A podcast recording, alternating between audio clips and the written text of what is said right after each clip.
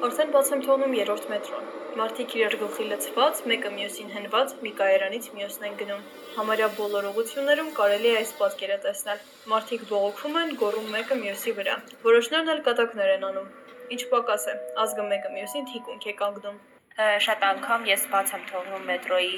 վագոններից մի քանիսը զուտ այդ պատճառով, որ լցված են լինում ու մարդիկ իրար վրա լցված գնում են տուն։ Կարծում եմ դա արդեն շատ անհարմար է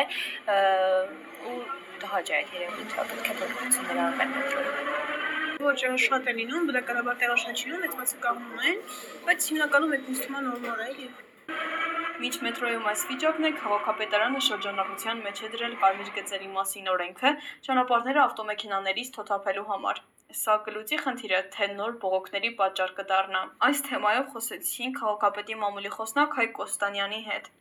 Բարև ձեզ, պարոն Կոստանյան։ Կարմիր գծերի թանկացման մասին քննարկված օրենքը դեռ ուժի մեջ չի մտել, բայց արդեն ակնհայտ են բացասական կարծիքները հասարակության մեջ։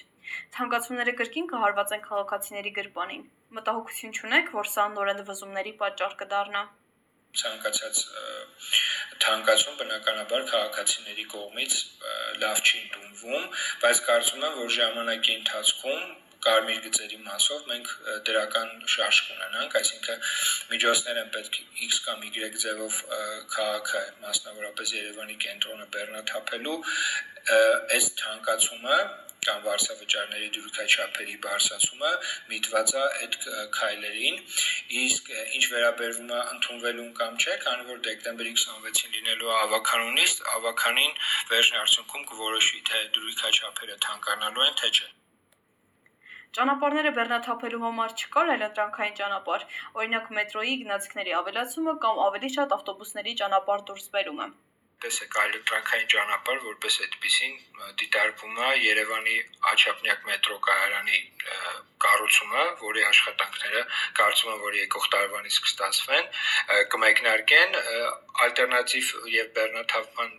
ծրագիր, նաեւ նոր ճանապարհների կառուցումը, էստակադաների կառուցումն է, որը եւս պլանավորվում է իրականացնել, անգամ կա այդ մասով որոշակի ձեռքբերումներ, մասնավորապես մեր միջազգային գործընկերների կողմից տրամադրված վարկերի եւ դրամաշնորհերի ձևաչափով, ինչը որ էլի գործնականում ժամանակի ընթացքում մենք կունենանք այդ ձեր ասած այլընտրանքային ճանապարհները քաղաքը բեռնաթափելու եւս մի քանի գործիք Ավտոբուսներում ու մետրոյում արդեն գործարկվել է տեսել հաշիվներով վճարումներ անելը։ Սա հասանելի կլինի հասարակության բոլոր շերտերին, թե նոր դժվարություններ կստեղծի մարդկանց համար մարդիկ 5 տարբերակ են ունենալու վճարումները իրականացնելու։ Մեկը դա բանկային քարտի միջոցով է, երկրորդը բջջային հավելվածի, երրորդը բջջային հեռախոսի NFC գործիքի միջոցով, ինչպես նաև լինելու են մշտական օգտագործման քարտային կրիչներ, որ մարդիկ կարողանան դրանով նաև վճարել, ինչպես նաև լինելու են թղթային